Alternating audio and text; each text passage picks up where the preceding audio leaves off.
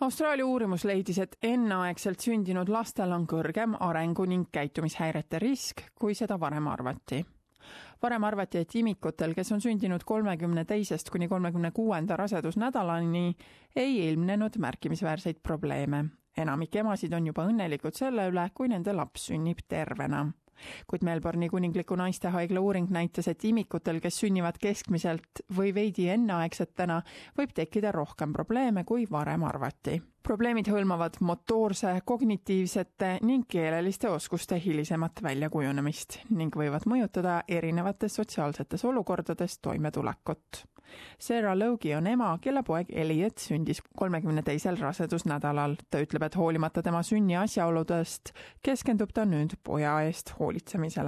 And it's good to know that yes, we know now that now that they are three times more likely. It doesn't mean all of them will go through that, but if it does, then it means that we can prepare ourselves and, and gain the right kind of support networks and, and get interventions in early. At the same time, he's his own person and he's getting there slowly. So if it takes a little bit longer, then it takes a little bit longer. Teadlased võrdlesid kahtesadat kolmekümne teisest kuni kolmekümne kuuenda raseduskuuni sündinud imikut nende beebidega, kes sündisid rasedusperioodi lõpul ning jälgides neid lapsi kahe aasta jooksul leidsid nad, et enneaegselt sündinud lapsed on oma arengus õigeaegselt sündinutest maas varasemad uuringud on keskendunud väga enneaegsetele lastele ning siiani on levinud arusaam, et veidi enneaegsetel lastel ei teki mingeid häireid. dotsent Jeannie Chi-Yong ütleb, et sellised mõjud võivad kogu lapsepõlve edasi kanduda. There is evidence available where early intervention at an age earlier than school age is effective at improving outcomes. we would like to hope that we would have earlier predictors prior to school age where we would be able to identify children at risk. With this result now at age two years, it is certainly our responsibility to all these children and their families to give them more information about what happens as they grow up. And as we all know, school age is a time of great importance where children are learning new skills, they're transitioning into a new environment and have to deal with new social interactions. Ta ütleb, et kuigi kõigil lastel ei pruugi arengus hilinemist olla, siis tervishoiupakkujad peaksid arvestama sellega, mida sellise uuringu tulemused nende patsientide jaoks tähendavad.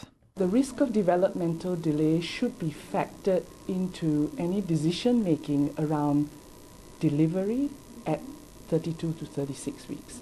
I know that this is already happening, and certainly the obstetric community are very aware of the increased risks of developmental delay.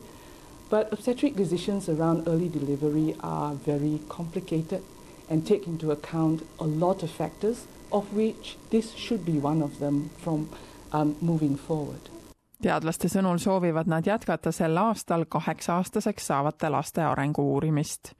Austraalias sünnib igal aastal umbes kakskümmend üks tuhat last, kes on sündides kolmkümmend kaks kuni kolmkümmend kuus nädalat vanad.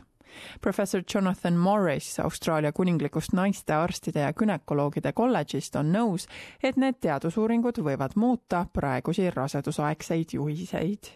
What is really concerning in light of these reports findings is that birth slightly before 37 weeks is going up in Australia, and that is because of the perception that these babies are at little long term risk.